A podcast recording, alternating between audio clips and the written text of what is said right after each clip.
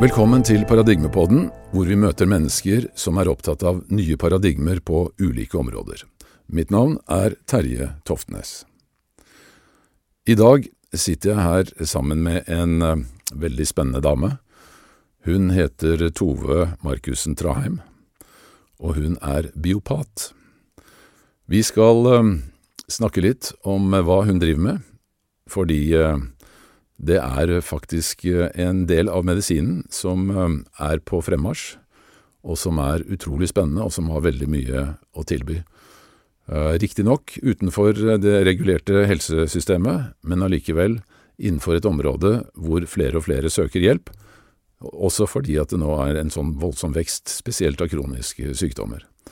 Men før vi begynner å snakke om det, så skal vi snakke litt om en veldig spennende konferanse, Tove, som heter Den heter Nordisk ernæringskonferanse, og i år er temaet tarmhelse. Ja. Tarmhelse. Ny viten om uh, tarmhelse relatert til kroniske sykdommer. Ja, det er riktig. Jo. Og uh, grunnen til at vi ønsker å snakke om det, er jo både pga. konferansens innhold, men også fordi at uh, det har seg slik at både Tove og jeg sitter da i arrangementskomiteen. ja, det gjør vi. Dette er en konferanse som arrangeres i regi av Kostreform. Ja. De som vil vite noe om kostreform, kan gå inn på kostreform.no. Men vi er da begge medlemmer der, og sitter i en liten gruppe som skal arrangere denne internasjonale nordiske ernæringskonferansen den 21. januar i Sandvika. Yes. Um, Tove skal, er en av de som skal holde foredrag. Ja. Jeg skal faktisk være konferansier. Men det som er virkelig uh, skal vi si litt eksotisk, er at vi har tre internasjonale størrelser som skal holde noen uh, veldig veldig spennende presentasjoner. Og det gleder vi oss veldig til. Kan du si litt om hvem dette er, Tove? Den ene er Alessio Fasano. Han er professor ved Harvard i Boston. Ja. Og har skrevet flere bøker. Veldig opptatt av tarmhelse og ja, eh, stoffet han, Cøliaki og dette stoffet som heter sonolin, Riktig. som han sier, som, som han har funnet uh, frem Riktig. til, er sterkt medvirkende da bl.a. til å fremkalle cøliaki, Ja. og som er altså i forbindelse med, med gluten Intoleranse. intoleranse. Ja. Han er jo, han, som du sier, han har skrevet en veldig spennende bok som heter Gut Feelings, Ja. Som, um, som er årsaken til at vi har klart å hanke inn han. Så, Nemlig. men vi har andre også. Det har vi. Vi har eh, Thomas Seyfried, som eh, Terje har besøkt tidligere og gjort eh, intervjuer med. Han har skullet være på konferanse hos oss nå et par ganger, dessverre blitt eh, avlyst pga. Av en viss eh, pandemi. Og eh, nå kommer han, og jeg tror både han og ikke minst vi gleder oss veldig til eh, det møtet. Han er en forrykende foredragsholder som det er veldig morsomt å høre på. Ja, det er jo det. Og det som er så spennende med han, at han presenterer jo faktisk en helt ny uh, modell for å kunne forstå hvorfor vi egentlig utvikler uh, kreft, blant annet. Ikke sant. Og, og, dette her er jo basert på forskning som er snart uh, 100 år gammel. Så dette er jo viten vi faktisk har hatt i veldig, veldig lang tid. Mm. Og så fikk han et oppdrag, og det var å videreføre forskningen til Otto Vårburg. Mm.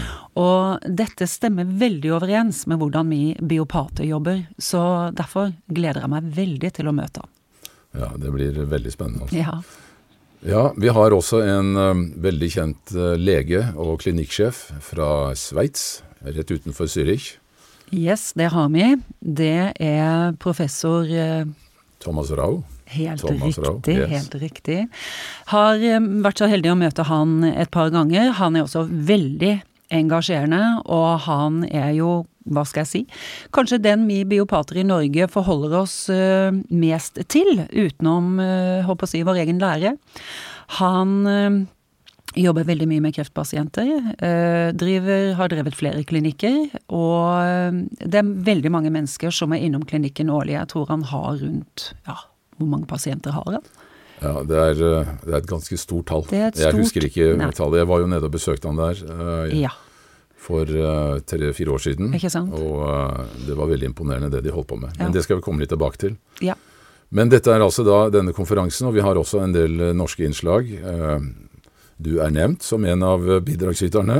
Vi har også en norsk lege, eh, Anna Katrine Gjøgodt, som Ja. skal snakke om tarm og, og, eh, og tarmhelse. Ja. Og vi har også Så har vi Lab1, Ja. som kommer og forteller om tester, hvilket jo er veldig spennende og eh, retningsgivende for den behandlingen eh, vi kan foreskrive pasienter. Så det er også veldig viktig å ta med seg. Og i tillegg så er det da også eh, en utstilling fra flere leverandører innenfor denne sektoren. Ja. Eh, og så er det jo selvfølgelig et sted hvor man kan eh, mingle og treffe folk, og Absolutt. også slå av en prat med, med våre foredragsholdere. Her blir det veldig mye faglig påfyll, altså. Ja. Mm. Så 21. januar, det er en lørdag, det er en heldagskonferanse I Sandvika, på Thon hotell. på Thon hotell Sandvika. Og hvis, eh, hvis man går inn da på kostreform.no, så ligger det mye mer informasjon, informasjon, om både konferansen og programmet der. Ja, og du kan lese om de enkelte foredragsholderne. Ja. Vel, det var nå det, Tove. Det vi egentlig skulle snakke om, Ja. det er altså dette fagfeltet som kalles for biopati. Ja. Og da må jeg spørre deg, hva er det? Ja, hva er egentlig biopati? Jeg kan ta den eh, korte versjonen. Og det er det at vi biopater vi liker også å si at eh, biopati er en kombinasjon av østlig og vestlig medisin, der hvor man tar det beste fra begge parter. Ja. Og eh, litt lyst til å ta utgangspunkt i to eh, forskere som satt i Frankrike på slutten av 1800-tallet. Den ene var pastør. Han kjenner vi til med pasteurisering. Han skjønte at hvis han varma opp maten til 60 grader, så drepte han bakterier. Bakterier som potensielt kunne gjøre oss syke.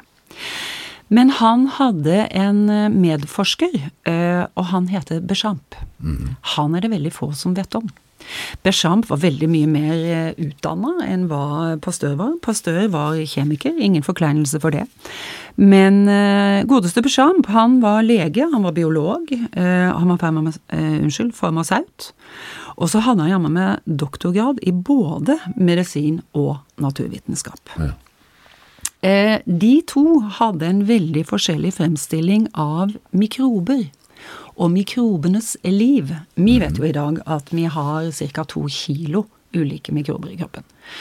Eh, de bor på utsida av huden vår, de bedekker alle slimhinnene våre, og de fleste holder til i tarmen. Og da snakker vi om bakterier, Ja. sopp, Ja. Virus. Virus. Ja. Vi snakker om Parasitter. all verdens ja. ting og tang. Og eh, nå foregriper jeg litt, da. Eh, Vi vet jo at disse her skal leve i en skjønn forening, altså sammen med hverandre. Da er vi friske. Og hvis vi da går tilbake til de her to forskerne, så syns jeg det er veldig spennende. Fordi Pastør han hevda f.eks. at blodet, det er sterilt. Det var ingen mikrober i blodet. Og så mente han det at mikroorganismer de kunne bare ha én form. Og han mente at infeksjonssykdommer, eh, når vi fikk det, så var det fordi vi var angrepet av eh, bakterier utenfra. Patogene organ mikroorganismer. Mens Bechamp han eh, mente på sin side at blodet, det er slett ikke sterilt. Det inneholder andre levende organismer. Og så mente han det at mikroorganismer de har flere former.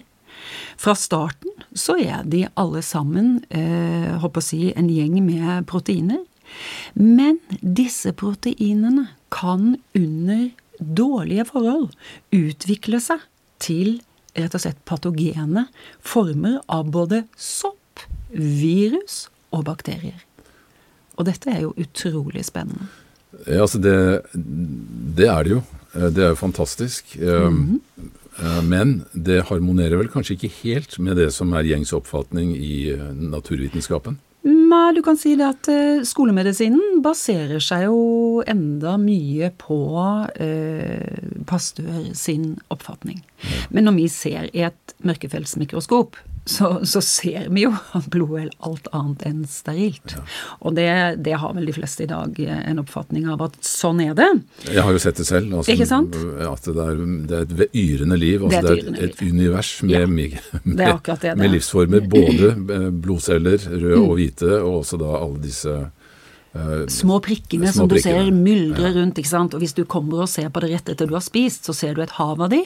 Og hvis du kommer fastende, så ser du at det er veldig langt færre, holdt jeg på å si. Det er også veldig spennende. Det som skjedde videre, det var det at etter de her to karene da, som håper å si, endte sine liv, så var det en, en tysk eh, forsker som heter Günther Enderlein. Han syntes at forskningen til Bechamp var så spennende, så den fortsatte han på. Og han brukte nettopp et mørkefeltsmikroskop. Hva er et mørkefeltsmikroskop? Ja, Det er et mikroskop der hvor lyset kommer inn eh, holdt jeg på å si, litt, eh, litt på skjeve. Mm -hmm. Og så kan du se det vi bruker det til, da. Vi tar en blod, eh, bloddråpe, legger mellom to glassplater, og så ser vi på dette for det belyses vel også un, både unnifra og, og, fra siden? Det belyses ja. både unnifra, fra siden og ovenifra. Ja. Så eh, da kan man se veldig mye spennende i dette mikroskopet. Og Enderline Enderlein han la merke til det han altså da kalte for, eh, for spermitter. Eh, og det var mikroorganismer som han la merke til at faktisk utvikla seg i utallige ulike former. Hmm. Det var altså som et, eh, kall det, tusenhoda troll. Og så ser man det at sunne og friske mennesker, der lever cellene i et positivt forhold med alle disse. De samarbeider? Ja, de samarbeider. Er det det vi kaller for symbiose? Da lever man i symbiose. Ja. Det er akkurat det man gjør. Men, unnskyld, når, eh, når man begynner å, hva skal jeg si, forsure miljøet som disse mikrobene lever i. Eh, da oppstår det noe. Da endrer disse mikrobene form. Men når, men når, du sier forsure ja. miljøet, tenker du da bare på altså, surhetsgrad i form av pH, eller tenker du også på at det er giftstoffer og andre ting? Det kan være både og.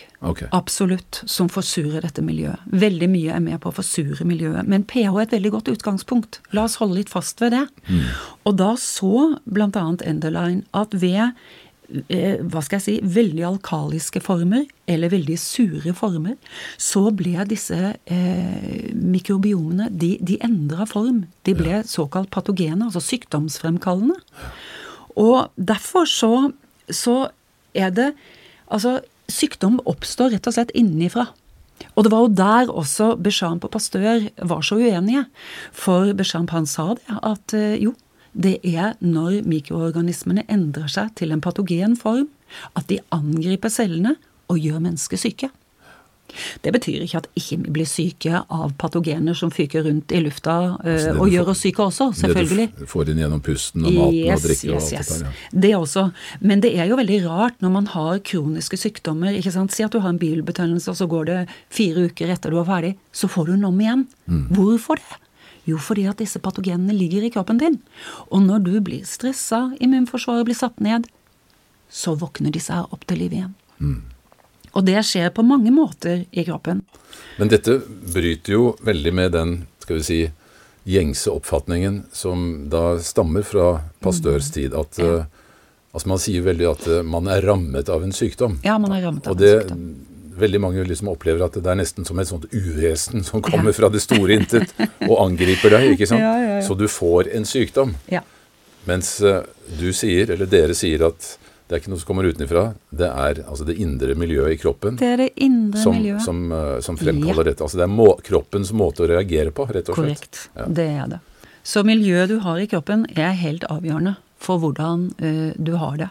Fordi at det bestemmer hvordan disse mikroorganismene samarbeider med cellene dine i kroppen. Mm. Uh, og det er jo igjen uhyre spennende. For det betyr jo at du kan gjøre noe med det. Ja. Ikke sant? Og hvis vi da går tilbake til, til Enderline, så um, Men kan jeg bare skyte ja, inn en ting til? Du nevnte jo det at vi har altså nesten Et voksen menneske har to kilo mm. med mikroorganismer. Mm. Og det som jeg leste for ikke så lenge siden, var mm. at uh, hvis du teller Eh, antallet celler i kroppen, altså ja. dine egne menneskeceller, ja. så ligger det på et sted mellom 40 og 50 000 milliarder celler. Jeg ja. vet ikke helt hvordan de har telt det, det må sikkert ha tatt litt tid. Men eh, det er det, det, er det som du kan lese om da i, eh, i medisinske leksika. Men så sier de også da at samtidig, og det er ganske nylig dokumentert, at antallet mikroorganismer overstiger antallet celler. Altså Jeg tror jeg leste sist at du har Eh, i kroppen 43 egne celler, og så har du 57% mikroorganismer. Ja. Og dette er jo da vesener som lever et eget liv. De har Ja. sitt eget arvestoff. De Ja. har sin egen holdt på å si, intelligens. De vet hva de skal gjøre. De har sitt eget sanseapparat osv. Så. Det har de. så det er jo egentlig altså, altså du, du går jo liksom rundt som en holdt på å si en, Mm. et eh, Hva skal du kalle det for noe? En, eh, en levende farm, eller Ja, en eh, ja, ja. Det er helt vanvittig når man tenker det på den måten. Og, og det som er et litt sånn morsomt eh, eksempel eh, Hvis du f.eks. har et akvarie, og så ser du det at fiskene dine de, de begynner å ha det dårlig. Eh, noen av de dør, altså de, de utvikler forskjellige sykdommer. Hva gjør du da? Begynner du å å si, eh, forsøke å få hver enkelt fisk frisk, eller bytter du vannet som er blitt veldig forsura og dårlig, som er årsaken til at fiskene blir syke? Mm, ikke? Ikke sant? Det er en sånn ganske sånn grei sammenligning. Mm. Fordi vi mennesker vi utvikler veldig forskjellige, kall det sykdommer, da. Som Men det er litt avhengig av hvordan vi også er genetisk eh, koda, veldig ikke sant? Veldig avhengig av hvordan vi er genetisk koda. Ikke sant? Det er en av faktorene. Så det er veldig personlig fra menneske Det er til menneske. Men så vet vi jo også det, at vi kan ha gener i kroppen, og så kan vi la være å skru de på. Mm. Og det er jo også hva gjør du? Altså hvordan utvikler du miljøet i kroppen din? Mm. Fordi genene dine, selv om de er svake, trenger ikke å bli skrudd på hvis du lever et liv som tilsier at du er venn med mikrobene dine. Mm. Da kan du ha svake gener og leve et supert liv. Det er også der, ikke sant? Ja. Mm. Men dette er jo egentlig da eh, den store forskjellen Ja. på det vi kaller eh, komplementærmedisin, altså Ja. som jeg oppfatter det, og skal vi si den ortodokse eh, skolemedisinen. Hvor komplementærmedisinen er primært årsaksrettet. Ja. Eh, Hvis du er enig i det? Altså man går etter årsaken til at eh, sykdommen utvikler seg i kroppen. Det er riktig. Eh, for Men- å forsvare skolemedisinen litt grann nå, da, så, så, så sier jo eh, også skolemedisinen at lev sunt, ikke sant? Spis, ja spis bra, eh, du skal trene, du skal sove nok, osv. Så, videre. så, så Så der er vi jo helt enige, men så er det noen nyanser her òg, for all del. Eh, men men eh, det som hadde vært så fint, det var hvis eh, skolemedisinen og eh, den biologiske medisinen kunne hatt et nærere samarbeid. Ja. Det, det hadde i hvert fall jeg for min del satt stor pris på. Og eh, det er klart at veldig mye sier vi likt, men eh, der er også, der er også ting vi er veldig, veldig uenige i. Mm.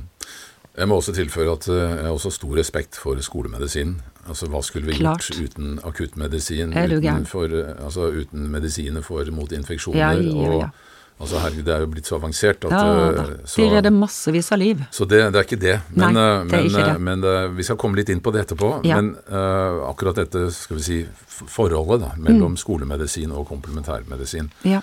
Men uh, først har jeg lyst til å spørre deg, altså, kan du kort fortelle hvordan en konsultasjon hos deg uh, arter seg? Vi vet jo at Ja. når vi går til fastlegen, så har vi liksom 15-20 minutter på oss til å presentere et problem. Du kan aldri presentere med en- et problem av gangen. Nei.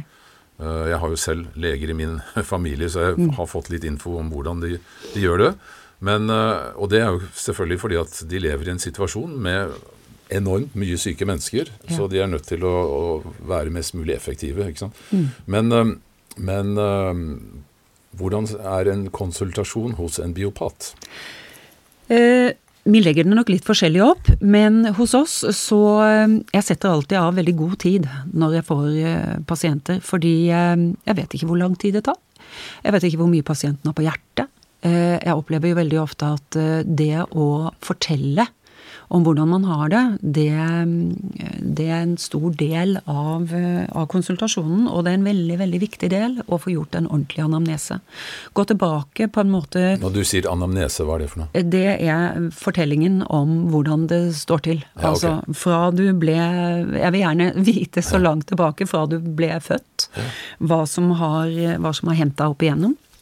Både på det fysiske og psykiske planet, for dette henger sammen. Og så eh, gjør vi da ulike analyser, blant annet mørkefeltanalyse, mørkefeltanalyse, hvor man kan se hva som befinner seg i blodet. Skal det også sies at eh, det er dagsavhengig. Så hvis du hadde kommet til meg, Terje, etter at du hadde vært på en ordentlig eh, hyggelig aften kvelden i forveien, Første nyttårsdag, for eksempel? eksempel, så kan det være at blodet ditt ikke hadde sett like bra ut som hvis du hadde kommet etter en uke med veldig veldig sunt kosthold og trening og godt med søvn. Så dette her tar vi så veldig hensyn til, men eh, pasienten vet jo dette i forkant før den kommer til meg. Så jeg ber pasienten faste, blant annet.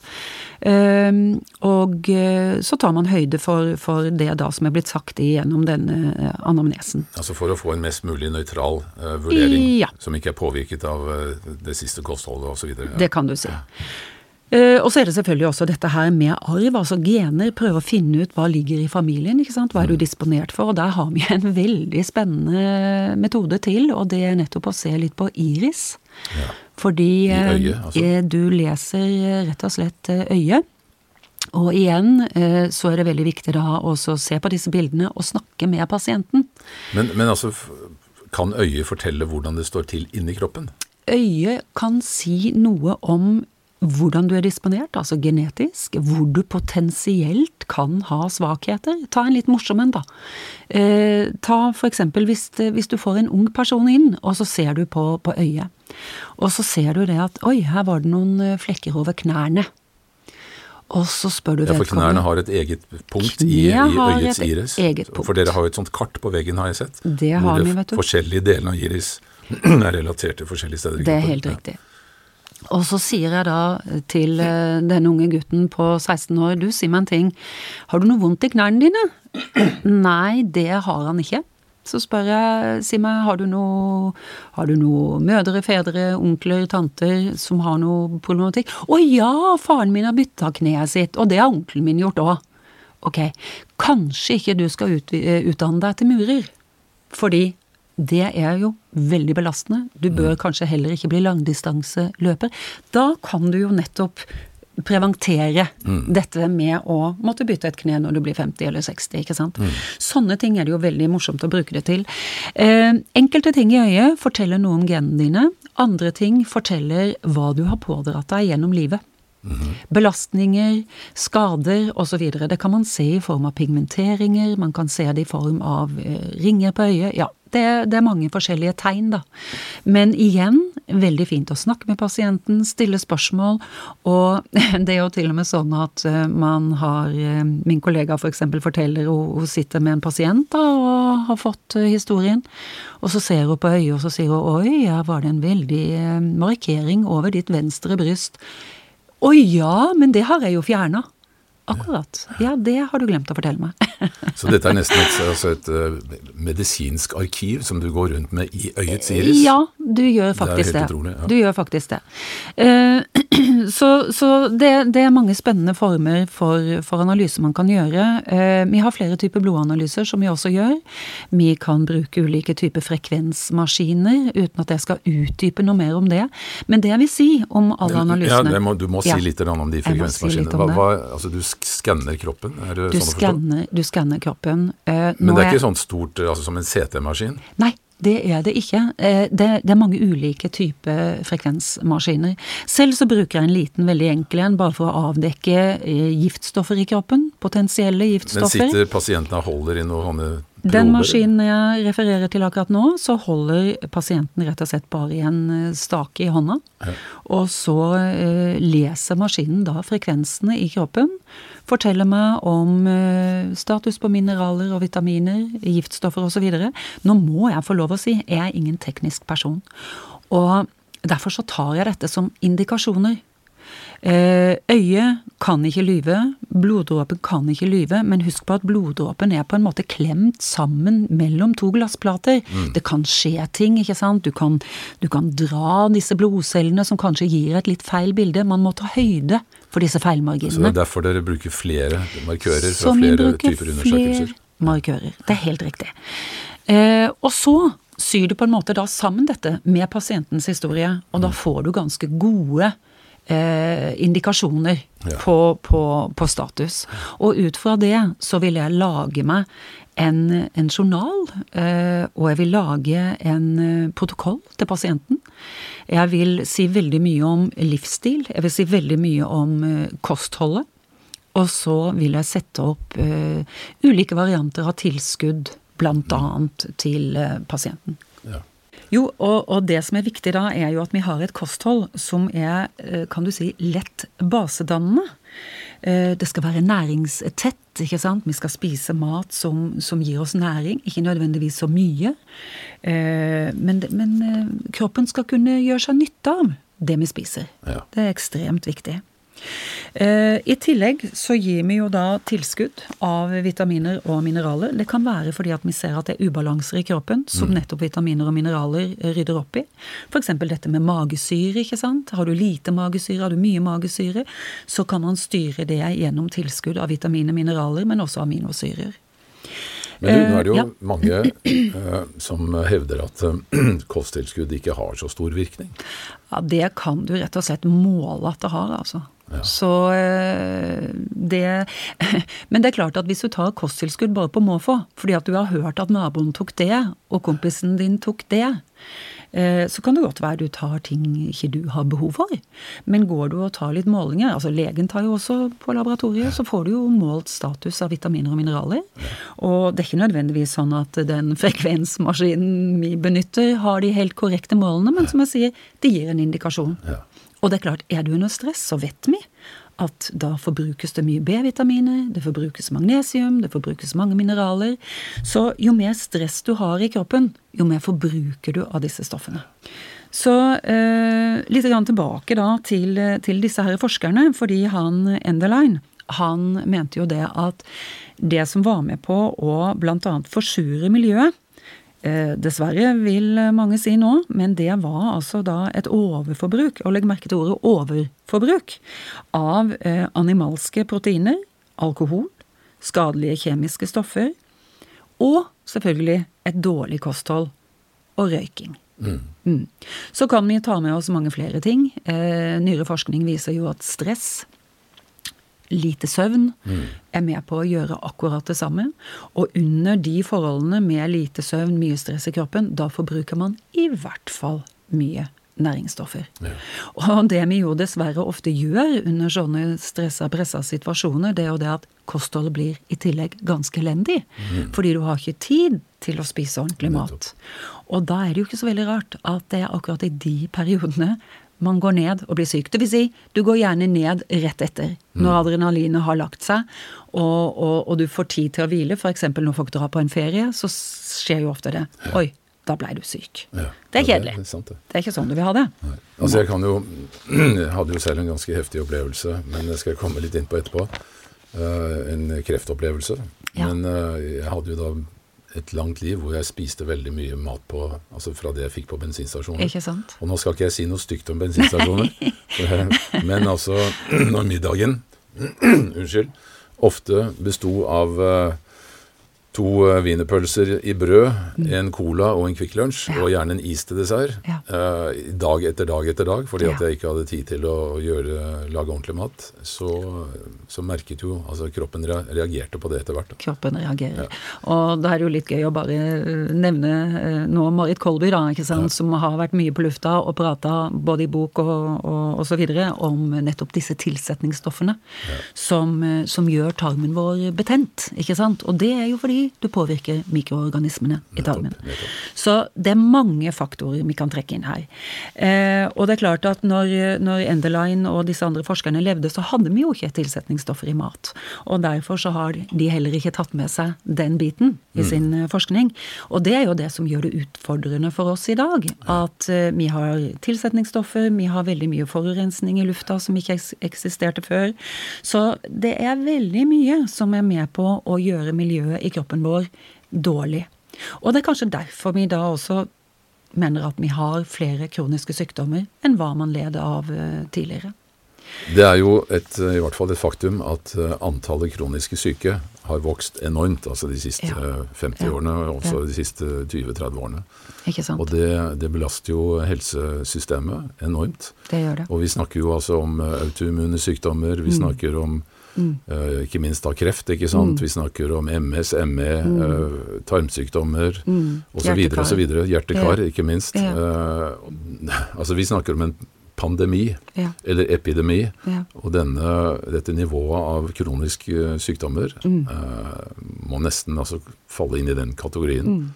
Men vi er tilbake til, til, bakterier, virus og sopp, også når vi snakker om disse kroniske, skumle sykdommene som vi absolutt ikke ønsker å, å få. Mm.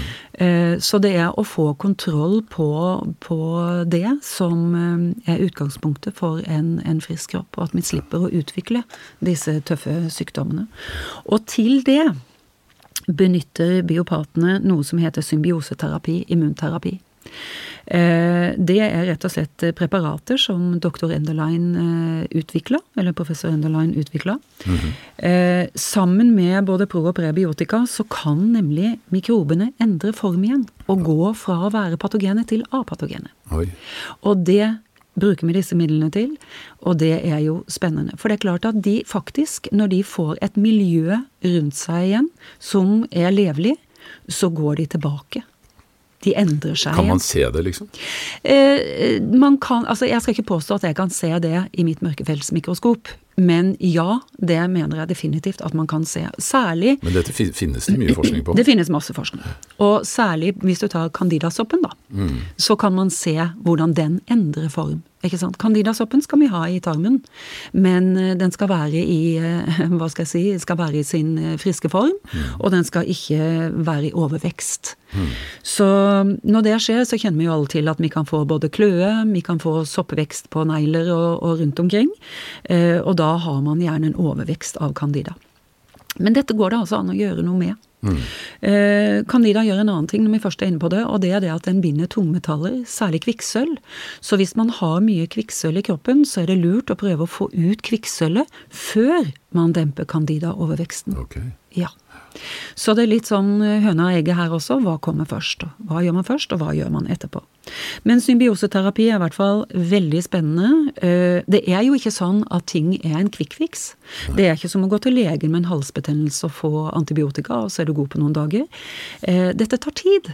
Men det som òg er utrolig spennende, det er jo det at dessverre, for oss som har levd noen tiår, det tar litt lengre med oss Mm. Eh, tar litt lengre tid, mens med unge mennesker så kan du oppleve veldig mye raskere resultater. Ja. Og jeg må jo si at er du ung eh, og føler på ubalanser i kroppen, ikke vent med å gå til en biopat. Ikke tenk at 'å nei, dette har jeg ikke tid til', 'å nei, jeg orker ikke å gjøre noen kostholdsendringer', 'å nei, hvorfor skal jeg drive med disse her tilskuddene', og, og de tingene. Vet du hva? Du gjør deg selv en tjeneste som er helt enorm, og så blir du bevisst på hva du skal passe deg for. Ja og hva du ikke trenger å være så nøye med. Mm. Og så kan du slippe dette her med alle gode råd. ikke sant? Det er veldig mange veldig syke som kommer til meg og sier at 'vet du hvor slitsomt det er å få en kreftdiagnose'?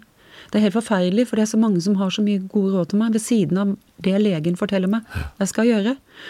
Uh, og da er det mye bedre å få en status på seg selv, mm. og få vite hva akkurat du kan ha veldig godt av. Så eh, det er en del av måten vi jobber på, men selvfølgelig det med avgiftning. Det er jo også veldig viktig. At vi får kroppen tilbake i, eh, i, symbiose, altså at du får en pH der du skal, at du får ut eventuelle giftstoffer om du har tungmetaller. Eh, og at man får rett og slett rydda ut avfallsstoffene til mikrober som ikke skal være i kroppen. For de er veldig belastende. Og da må man sørge for også at utskillingsorganene. At de er på plass. Og da snakker vi om? Da snakker vi om alt fra huden, lungene, leveren, nyrene, ikke sant? Og hele lymfesystemet også. Og selvfølgelig hele lymfesystemet. Det har du rett i. Så eh, da bruker vi veldig ofte urter i forbindelse med dette. Urter renser ut, og det bygger opp.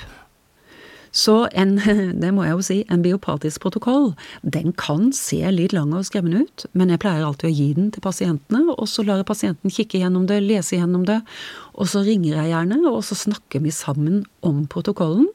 Og så har kanskje pasienten begynt å bestille litt, og så lagd seg en, ja, hva skal jeg si, et system på dette her, og så går det veldig veldig bra. Så det er kjempespennende. Ja, det høres jo veldig spennende ut. Og jeg, altså, jeg har jo selv en erfaring som jeg eh, skal komme tilbake til, som sagt. Men eh, du, eh, en biopat Hva slags utdannelse er det som ligger bak en biopat? I dag så er det Tunsberg medisinske skole som tilbyr eh, biopatstudiet. Og det er et fireårig deltidsstudie. Før du begynner på studiet, så må du ha noe eh, helsekompetanse. Eh, enten innen ernæring eller andre ting. Eh, jeg vil jo si at eh, fire år deltid, det burde vært fire år heltid og litt til. Så det er, det er, mye stoff, det er mye å lære seg å sette seg inn i. Man må jobbe mye på egen hånd. Men du verden, så spennende. Og grunnen til at det er et deltidsstudie, det er det at dette er et privat studie. Det hadde mm. blitt veldig dyrt om det hadde vært et heltidsstudie. Mm. Mm. Men uh, får folk støtte til å, å, studere biopati? Ja, det er faktisk ja. Eh, NOKUT-godkjent, godkjent. -hmm. Så Lånekassen stiller opp. Ja. ja. Men så kommer jo liksom det andre spørsmålet, fordi du driver jo dette som uh, altså en, Det er en privat uh, klinikk som, som, du er en del av. Ja. og det er klart Rett over gata så er det et helsesenter ja. som er drevet av leger. Ja. Og når jeg går inn der og får en eller annen ja, hjelp av legen eller en konsultasjon eller ta en blodprøve osv., så, videre, så jeg vet ikke hvor mye jeg betaler, men i hvert fall så betaler jeg så lite at jeg overhodet ikke reflekterer over det. Mm. Men uh, går man da til biopater, som er uh, nødt til å ta betalt det det koster å drive virksomheten, og også få mat på bordet til seg selv og familien, ja. uh, så er det kanskje litt annerledes. Er det en grunn til at folk er reservert fordi at det koster penger å, å, å bruke altså en privat helsetjeneste? Ja, du kan si eh, for pasienten så blir det mye penger. For biopaten så blir det veldig lite. Ja. Eh, jeg tar meg jo ofte i å sitte og beinjobbe åtte timer og kanskje fakturere fem eller seks. Ja. Så pasienten betaler konsekvent mindre enn den tiden jeg bruker. Mm. Um, og det tror jeg er ganske gjengs for de fleste biopater. Så eh, det er faktisk vanskelig Nå, nå høres jeg negativ ut, men det er vanskelig å gjøre det til et levebrød. Eh, så dette er jo en, en, gedigen eh, konflikt, fordi veldig mange tar utdannelsen fordi de ønsker å lære dette. De har kanskje selv problemer, familien har problemer som ikke legen klarer å hjelpe dem med. De må finne ut av det. Uh, og, og, det er veldig få biopater som kommer ut i aktivt uh, virke. Delvis fordi at de kanskje ikke har råd til å jobbe med det. Mm -hmm. mm. Det er jo veldig synd, da. Ja, forferdelig synd. Og dette er jo litt av eh, skal vi si denne uh, spillet, eller dette samspillet, eller faktisk også mangel på samspill, mellom helsevesen, ja. det etablerte, skal vi si, autoriserte, organiserte helsevesen, ja. og alle som jobber på utsiden av det. ikke sant? Mm. Nå er det jo sånn da innenfor det vi kaller for den alternative verden, så er det jo veldig mange ulike tilbud, helsetilbud. Ja. Altså alt fra healing til masse forskjellige ulike terapier. Mm. Uh, og akupunktur uh, Ja, det, altså, jeg har sett en sånn liste på Den er jo lang. Den er lang. Den er lang. Men, eh, men, eh, men, eh, poenget er det at for det første så er det jo veldig vanskelig for folk å vite hva som funker og ikke funker. Ja, det er klart. Og eh, også det at det koster penger, ikke sant. Jo. Og så er det kanskje noen av disse terapeutene som er veldig flinke til å selge seg inn. Mm -hmm. uh, uten at uh, skal vi si, effekten står i forhold til det du betaler. sånn at hele den sektoren der har jo liksom fått litt sånne blandede mm blandet mottagelse. Da. Mm. Samtidig så mm. kom det jo nå en, eh, en, eh, sånn studie, eller en skal si, statistikk da, fra NAFKAM, mm. som sier at de, altså over 50% av de som får kreft, de har også vært innom en naturterapeut på en eller annen måte. Ja. måte.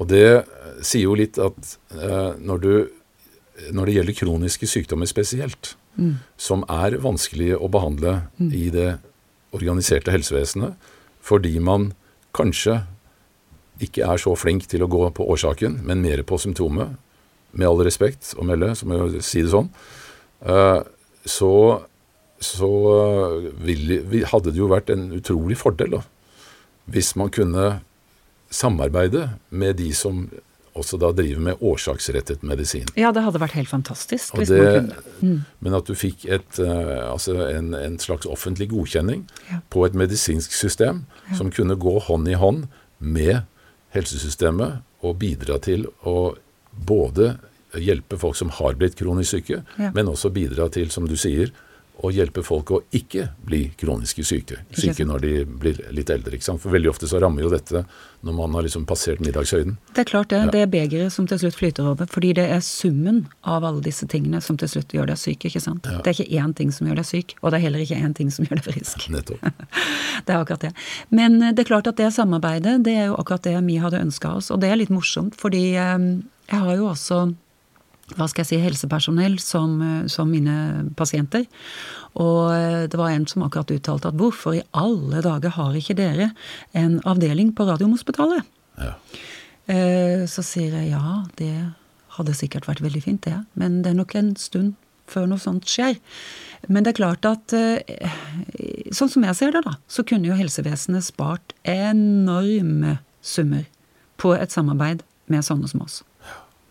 Fordi man kunne tatt så veldig mye i forkant, og fordi man kunne sluppet veldig, veldig mye av den ekstremt dyre medisineringen. Eh, fordi ting kan gjøres på litt andre måter. Men det skal jo også sies at det å gjøre ting parallelt, altså folk som har behov for kraftig medisinering i helsevesenet, kan ha veldig god eh, nytte av medisinen ved samtidig å styrke og rense kroppen. Gjennom en protokoll som du får fra en biopat. Så eh, dette her har jo ikke noe med motsetninger å gjøre. Dette her har med egentlig, nettopp som det heter, komplementært. Ja. Mm. jeg, jeg tror tiden har kommet til at jeg kan bare fortelle kort om min egen erfaring når det gjelder akkurat det der. Eh, I 2016 så fikk jeg jo en, en lymfekreftdiagnose på en veldig sånn eh, spesiell form for lymfekreft, med noen svære svulster som vokste ut på kroppen, og, jeg hadde hovne lymfeknuter på størrelse med egg. De så ikke gode ut, Terje. Nei. Nei. Eh, og eh, saken var det at det hadde jo bygget seg opp da gjennom mange år. Altså Det startet med at jeg fikk et eksem, eh, et utslett, eh, syv år før, ikke sant. Og så ble det bare verre og verre, selv om jeg behandlet det med kortison og alt dette her. Men det var jo Jeg mente jo Altså, jeg har alltid vært sånn at jeg blir jo aldri syk. Ikke sant? Og jeg, jobben min er så viktig, og familien min er så viktig, og alt det driver, vi driver med på fritiden er så viktig. Så jeg liksom tenkte den derre utslettet som det begynte, da, det, altså det var jo noe, bare noe forbigående. ikke sant? Det gikk sikkert fort over. Det var liksom bare kroppen skulle rydde opp i noe. Men samtidig så hadde jeg også en jobb som var ekstremt krevende. Jeg har ikke tall på hvor mange ganger jeg våkna klokka fem om morgenen med avtrykk og datatastatur i panna på kontorpulten. Fordi du skal rekke deadlines osv. Og, så videre, og som jeg sa, da, da er det veldig lett å løpe ned på bensinstasjonen og kjøpe boller og brus og, og pølser, liksom. Uh, men uh, poenget var det at uh, da jeg fikk denne diagnosen, da, som egentlig var ganske alvorlig, for de sa at ingen i Norge, i, i våre papirer, sa de på Radiumhospitalet, som noensinne har blitt frisk av denne spesielle kreftformen. Så dette må du leve med så lenge du lever. Uh, og jeg gikk jo hjem og googla, ikke sant, for de sa ikke noe om, om hvor lenge dette kunne hvor lenge jeg kunne leve med det. da. Men jeg fant jo fort da på amerikanske kreftsider at eh, altså, eh, median overlevelse, som det heter, det var på ca. to og et halvt år. Så jeg hadde da en tidshorisont på to og et halvt år hvis jeg skulle uh, gå med denne sykdommen. Og de tilbød meg jo da hjelp, selvfølgelig, uh, med både strålebehandling og immunterapi og eventuelt cellegift og alt dette her. Eh, og sa at eh, jeg måtte da komme inn og få behandlinger eh, resten av livet, avhengig av hvordan denne sykdommen utviklet seg, så lenge det varte. Og, men jeg spurte jo selvfølgelig hvorfor har jeg blitt syk? Og det var det som egentlig utløste hele retningen på min eh, behandling. For de sa det at kreft, de fleste kreftsykdommer skyldes uflaks. Det er eh, celler som deler seg hele tiden i kroppen, og av og til så skjer det feil i eh, dette genomet som gjør at du får en mutasjon, og så, kommer, så får du celler som da ikke lystrer styringssystemene, som begynner å vokse ut av kontroll på egen hånd, og det er det vi kaller kreftceller. Og vi har, sånn at Vår oppgave er jo egentlig å prøve å fjerne eller drepe disse kreftcellene. Sånn at vi kan eh, kutte de bort, vi kan stråle de bort, vi kan eh, forgifte de bort. Vi kan eh, øke immunsystemet ditt slik at immuncellene dine blir flinke til å ta de osv. osv. Men jeg sa det at er det bare uflaks som gjør at For jeg har jo levd Altså, jeg har ikke levd sånn som kroppen min hadde fortjent. Så sa de at nei, ehm, vi har ingen studier som bekrefter noen sammenheng mellom denne sykdommen og, og kosthold og livsstil. Så vi kan ikke si noe at det er noe sammenheng der, så du kan egentlig bare gå hjem og leve som normalt. sa jeg, men jeg kan jo ikke gå hjem og leve som normalt, det er det som har gjort meg syk. Nei, det kunne de ikke, det trodde de ikke. da. Men i hvert fall, nå var jeg så heldig at jeg hadde en bror som også er biopat. Eh, han hadde jo rådet meg lenge til å, å eh, bruke å komme til han og gjøre ting, men fordi han var broren min, så ja, du vet åssen det er. De som er altfor nærme, de er det vanskelig å høre på. De skal man ikke gå til. Nei, så ikke gå til. Så jeg hadde jo Men når jeg fikk denne diagnosen, så, så sa jeg nå må du hjelpe meg, og så sendte han meg da til en kollega som også var biopat. Ikke sant. Og han gjorde jo den undersøkelsen som du nå har forklart. Ja. Og han ga meg da en, eh, en eh, diagnose Eller altså han fortalte da hva som var feil i kroppen min. Han sa jo at leveren din er fullstendig overbelastet. Altså rensesystemene dine funker ikke skikkelig. Det er som en kjøkkenvifte som har ikke vært rensa på 20 år. altså Selv om, mot, selv om motoren går, så, så, er det ikke så stor renseeffekt. Uh, så han sa at du skal nesten være glad du lever i det hele tatt.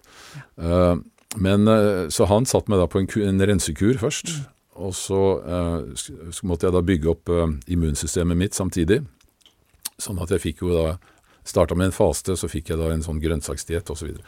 Nå skal ikke jeg gå inn i alle detaljene. De som har lyst til å sette seg mer inn i akkurat det tilfellet der, kan gå til øh, den nettsiden som heter frifrakreft.no. Der ligger en dokumentarfilm som jeg har laget om hele min sykdomshistorie, da, også om denne kuren.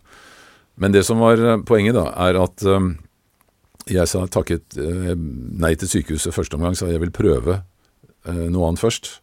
Og så gikk jeg på denne kuren til biopaten, og så ble jeg raskt veldig, veldig mye bedre. Ja. Altså, kroppen leget seg, begynte å lege seg selv.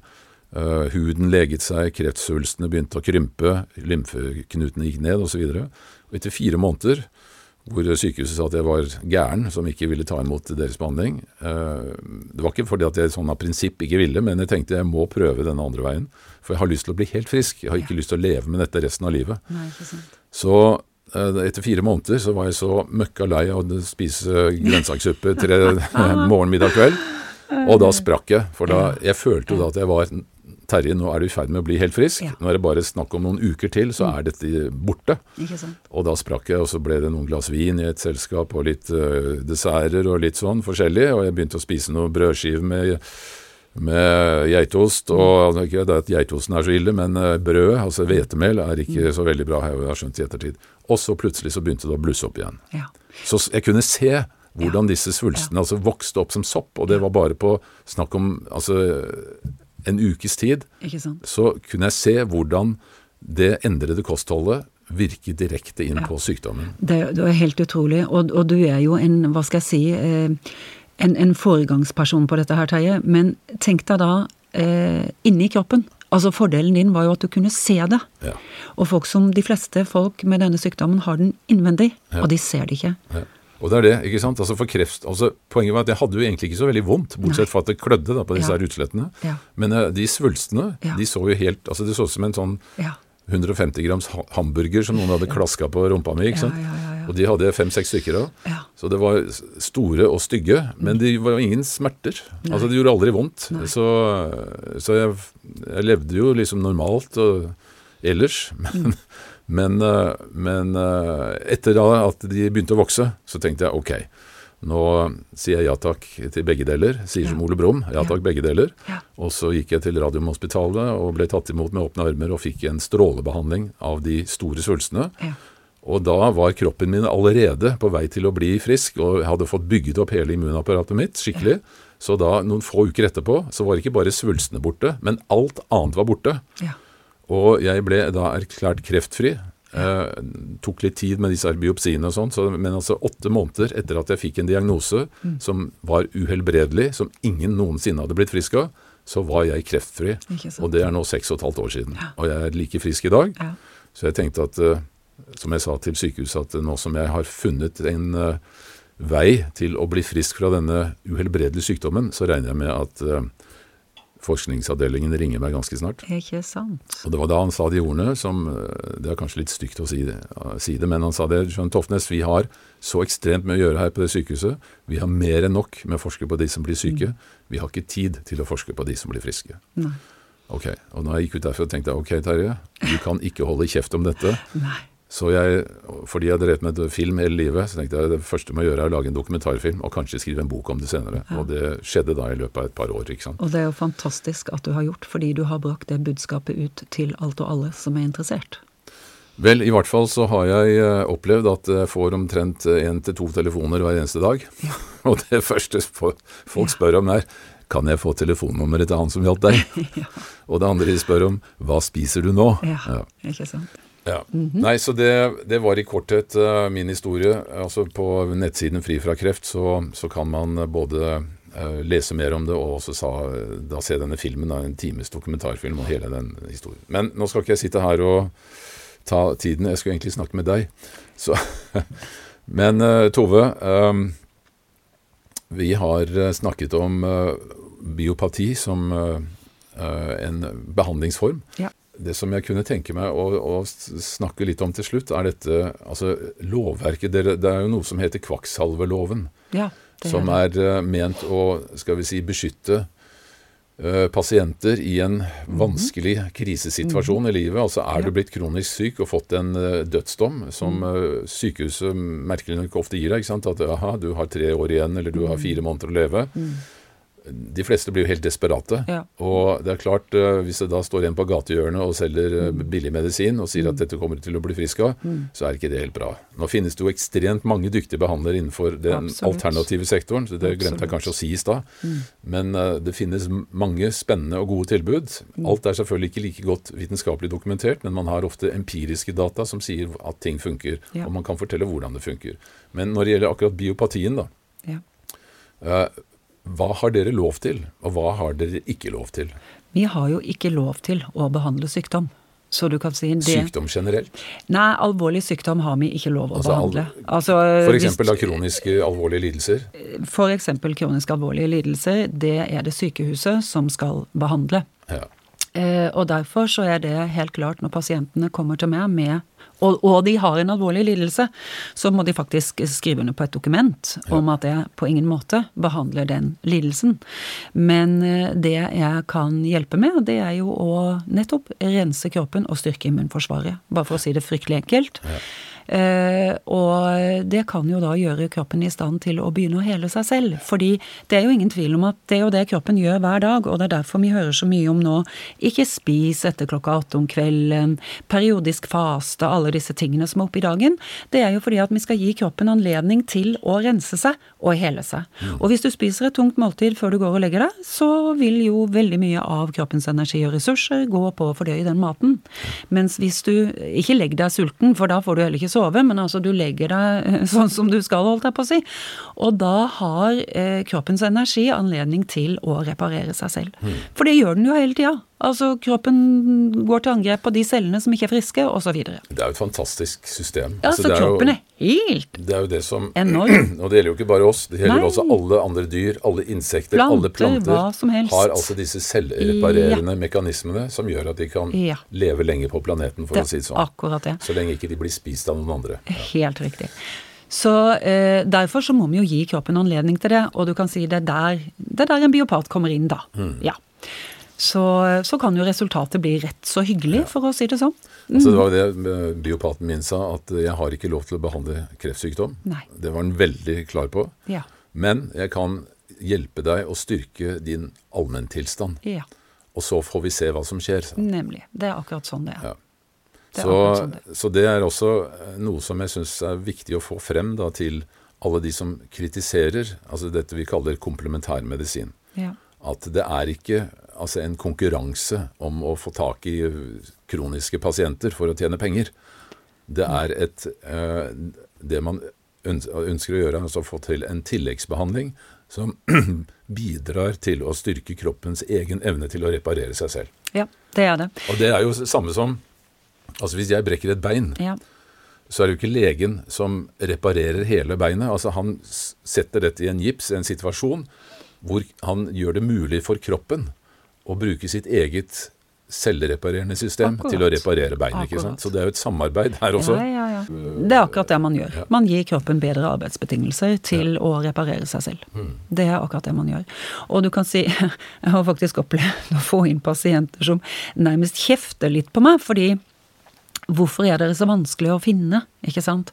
Og det er klart at uh, vi driver jo ingen form for markedsføring. Altså man har kanskje en hjemmeside som forteller lite grann, men, men vi er jo veldig forsiktige. Ja. Fordi at uh, hva er det vi gjør? Jo, vi setter bare kroppen i stand til å reparere seg selv.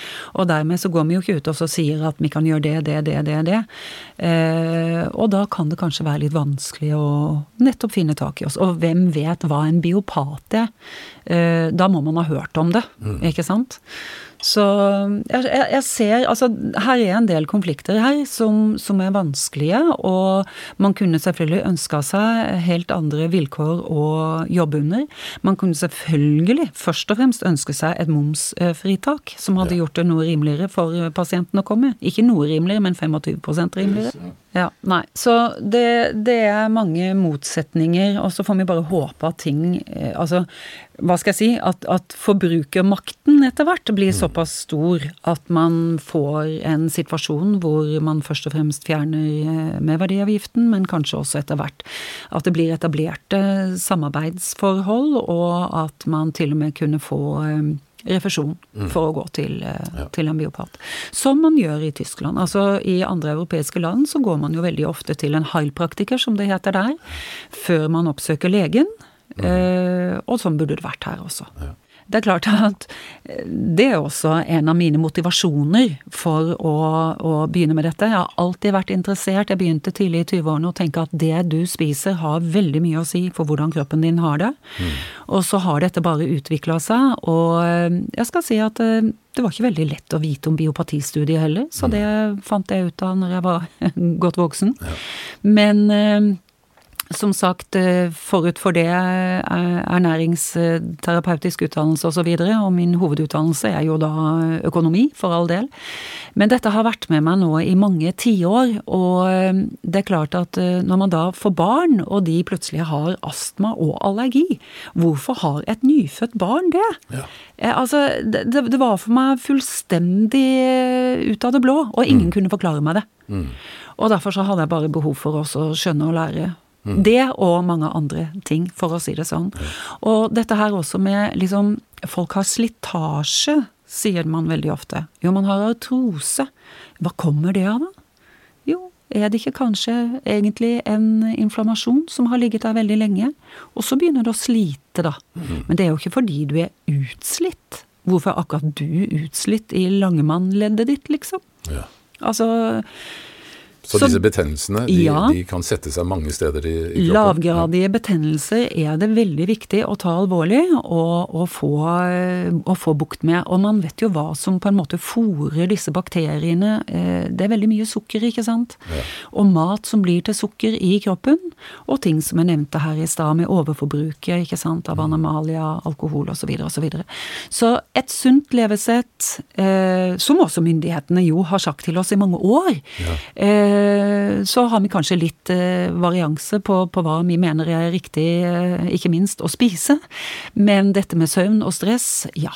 Mm. Alt skaper ubalanser, og vi må få tilbake balansen.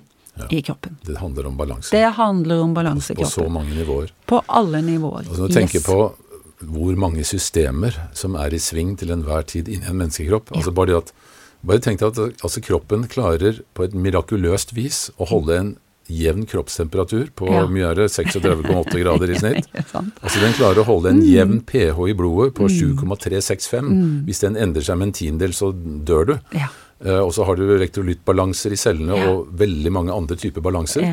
Sånn at det er jo et selvregulerende system. Det er akkurat det det er. Og det med å styre Altså, jeg har jo ofte tenkt hva slags intelligens er det egentlig som mm. bor inni kroppen min? Ja.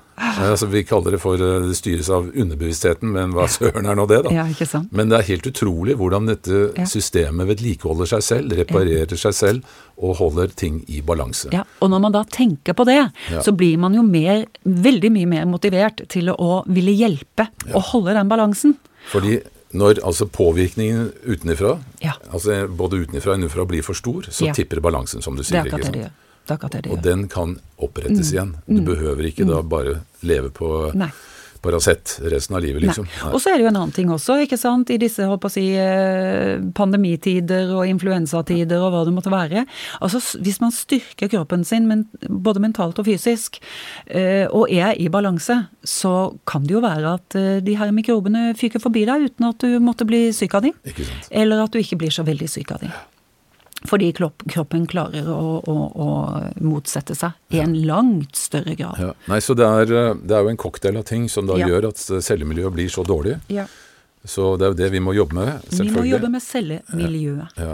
Og, men altså igjen, tilbake. Dette kan gjøres såkalt komplementært. Altså her kan den etablerte medisinen også gå hånd i hånd med denne, skal vi si, Uh, komplementærmedisinen som da hjelper å både rense og styrke kroppen og ja. svekke uh, ja. de cellene som vi ikke vil ha der. Ja. Det, altså For meg så låter jo det utrolig logisk. Logisk. Og jeg vet mm. at det er årsaken til at jeg sitter her i dag. Jeg skulle mm. vært uh, under torva for fire år siden.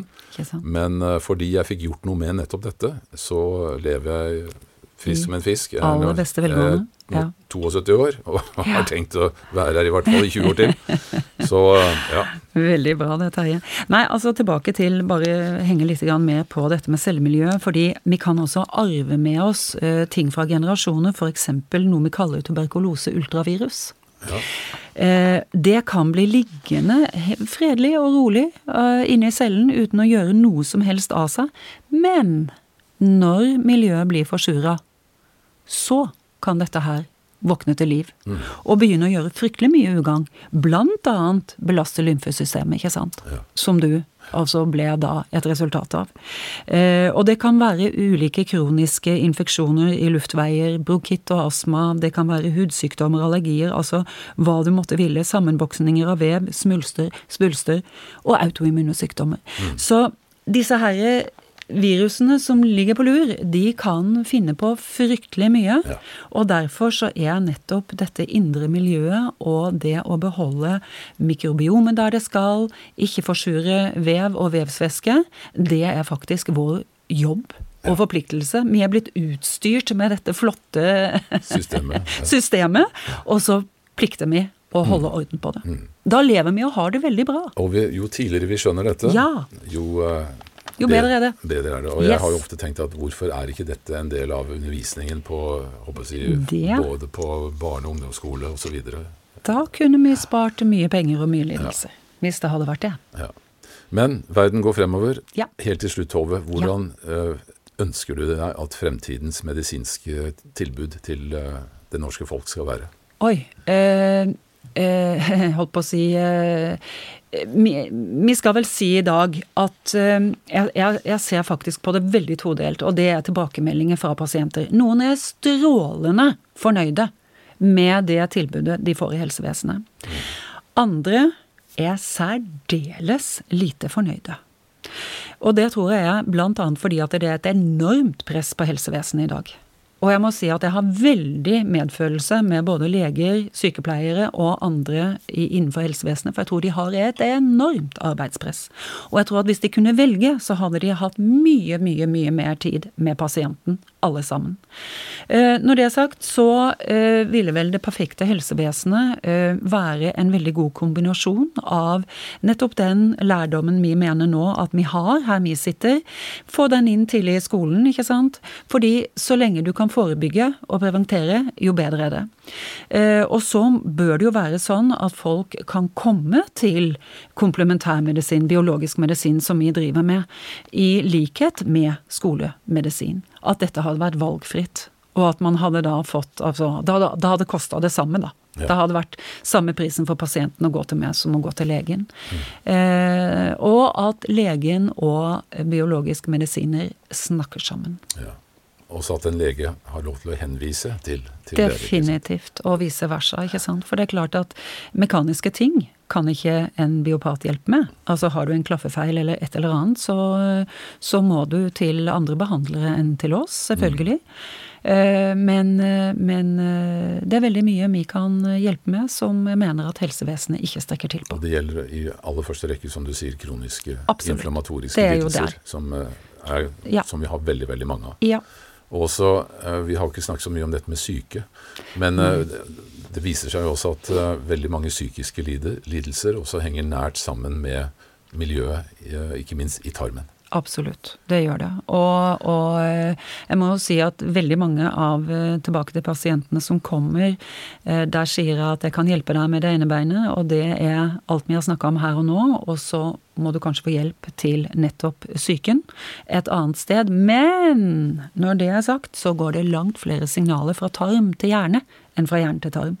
Så igjen så er altså mikrobiotaen at du har balanse og eh, ikke dysbiose, men symbiose i, i tarmen. Veldig viktig for hvordan det står til med psyken, faktisk. Vi vet jo at denne altså vagusnerven, da, som, eh, Ja. som visstnok forbinder da tarmsystemet med, med hjernen, Ja. altså den, det er en toveiskommunikasjon. Er Og jeg vet jo veldig godt, det tror jeg alle har erfart, at hvis det er noe veldig ubehagelig du skal gjøre neste dag, Ja. altså om du skal ha en ubehagelig, eh, vanskelig samtale med et eh, menneske, så er det veldig ofte at det slår seg på magen. Ja. Ikke sant? Eller hvis du har hatt en skikkelig krangel med kona eller mannen. Mm. det, det skjer faktisk av og til. Så, så, så får du dårlig mage etterpå. ikke sant? Mm. Sånn at det, det er helt tydelig hvordan dette henger sammen. Og, og selvfølgelig da også den andre veien. Hvis du har en dårlig tarmflora, så vil du også merke det i psyken din, altså hvor du er, hvordan du rett og slett er oppstemt eller nedstemt. Eller altså nedstemt da, i, i tilfelle det er dårlig. Det er helt riktig. Men har du en god tarmflora, så kanskje du er, blir generelt lystere til sinns. ikke sant? Absolutt. Eh, så det er veldig mye å vinne på Ja. å begynne å se dette i et litt større perspektiv. Og begynne å tenke helhet istedenfor bare del. Ja. Altså Vi beskylder jo eh, ofte skolemedisinen for å være veldig altså reduksjonistisk, at man er veldig opptatt av enkeltelementene, Mm. Ja. men at man ikke er så flink til å se hvordan enkeltelementene fungerer i en, i en større sammenheng med alle de andre enkeltelementene i kroppen. ikke sant? Nettopp. Så det å kunne se helhet eh, kontra å se bare eh, altså deler, eller eh, i denne såkalte reduksjonistiske måten å se vitenskap på, da, hvor man plukker ting fra hverandre ikke sant? Og, og ser hvordan det funker og setter navn på det, det har jo brakt oss veldig langt innenfor veldig mange områder i vitenskapen. Men, eh, men også når det gjelder menneskekroppen, så har man jo kartlagt det meste. Men som man kan si veldig mye om hva som skjer, Ja. men ikke så mye hvorfor. Nei. Det er helt riktig. Og det er jo kanskje også utfordringen til fremtidens medisin, at man blir mye flinkere til å kunne fortelle pasienten hvorfor ble du syk. Helt riktig. Yes. Er det noe du ville tilføye til slutt, eh, Tove? Jeg tenker at vi totalt egentlig har klart å komme innom ganske mye. Ja.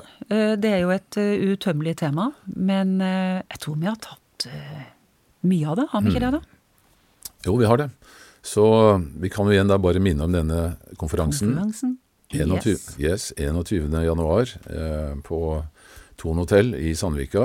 En eh, lang lørdag fra halv ti til fem. Ja. Men eh, også med en god lunsj, og med pauser hvor du kan eh, møte både fagfolk og kollegaer. eh, eh, spennende mennesker, og se på utstillinger av eh, ulike ting. Alt fra bøker til kosttilskudd og, og mye rart. ja. Så det blir en veldig Det er veldig mye spennende å oppleve der for de som velger å ta turen. Vi gleder oss. Vi gleder oss.